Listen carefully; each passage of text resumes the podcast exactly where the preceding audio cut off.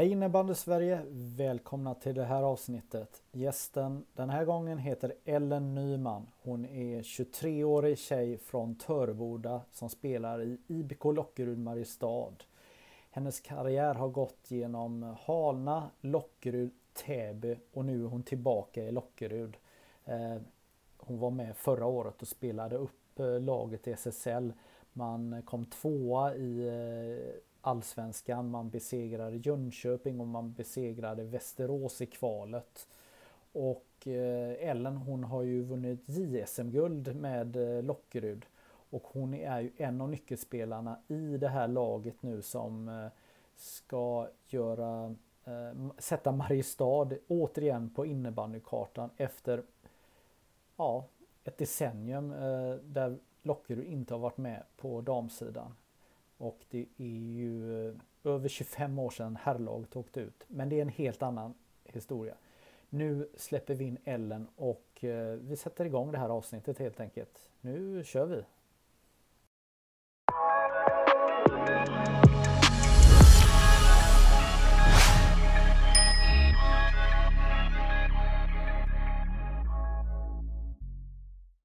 Då hälsar jag Ellen eh, Nyman välkommen till det här avsnittet.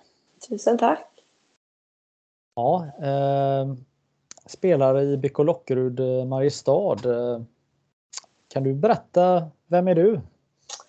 Ja, jag är 23 eh, år. Eh, bor i Törboda heter det, lite utanför Mariestad.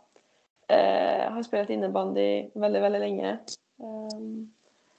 För ja, man hinner inte med så mycket annat, höll jag på att säga. Det är spela innebandy och studera som gäller. Ja, du eh, studerar, eh, ska studera på heltid på distans. Hur, hur ska det gå? Har du den disciplinen som eh, krävs? Ja, det har jag.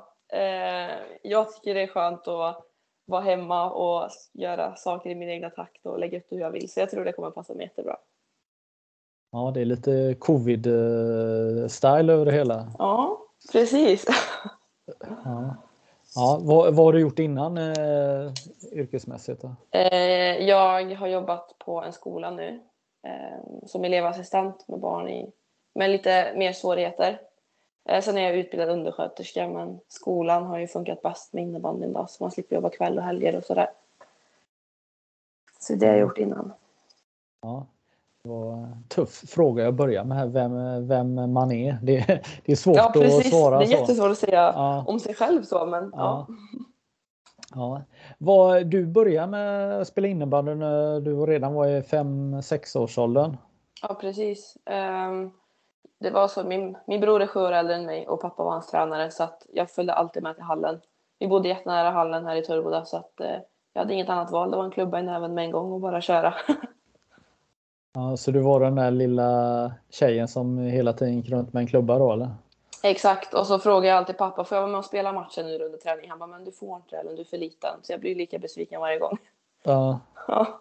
ja. Men var det där du eh, fick din eh, teknikträning kanske eller?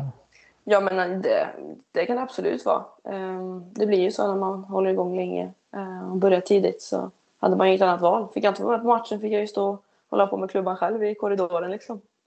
Mm. Mm. Men när fick du spela första matchen då? Jag kommer inte ens ihåg. När jag fick göra det. Du spelar med äldre eller? Ja.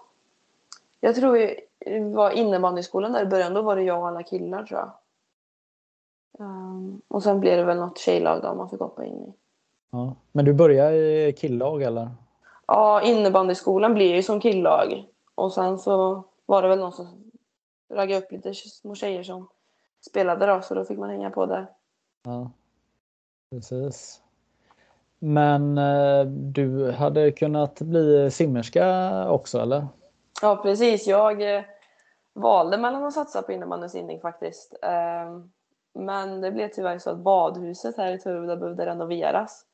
Så vi fick pendla till Skövde och det är ja, 45 minuter enkel väg. Och jag tröttnade ganska mycket då. Eh, 12 år, pendlade till Skövde tre dagar i veckan, få ihop innebandy i skolan, det funkade liksom inte. Men eh, jag tyckte nästan simningen var roligare än innebandyn, då i alla fall. Ja. Men kunde du inte simmat i någon sjö eller någonting? Ja, jag har Göta kanal här vid mig. Det hade kanske gått men... ja.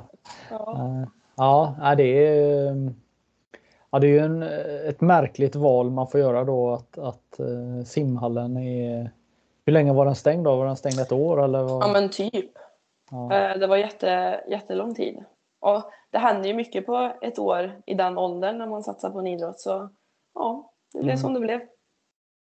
Ganska stora kontraster innebandy och simning, eller? Mm. Ja men verkligen. Eh, simningen kan ju ses som en liten lagsport men det är mest individuellt. Eh, så ja, det är lite skillnad. Ja, nej, men det är ganska mycket ner i vattnet och kötta rätt ordentligt. Ja, eller?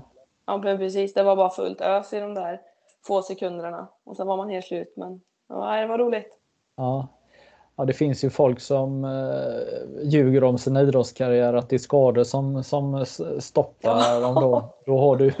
Eh, Jag skyller på badhuset. Badhuset där, ja. Mm, ja. ja det, vad, vad gillar du med innebandy då? Vad, vad är det som är kul med den sporten?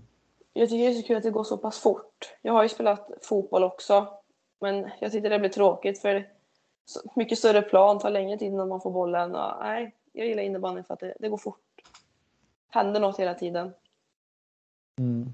Och sen gillar jag ju lagidrott i sig så också. Så att det, det, jag hade nog tyckt det var tråkigt att bara köra simning och vara själv hela tiden. Mm. Nu när jag tänker efter här. Ja, men jag förstår. Ja. Vad, jag lyssnade på ett klipp här när du blev intervjuad som 14-åring eh, när du gjorde din första säsong i, i, i Lockerud. Vad, mm. vad minns du från den tiden? Uh, jag kommer ihåg att Micke Fredriksson som jag som tränare nu kom fram till mamma och pappa efter eh, STF-SM tror jag, uppe i Umeå. Och ja, ville väl så den här idén att jag kanske skulle gå till Lockeryd. Och jag fattar inte bättre. Vill du fortsätta lyssna på hela avsnittet? Det kan du göra som innebandymagasinet Plus-medlem. Logga in på innebandymagasinet.se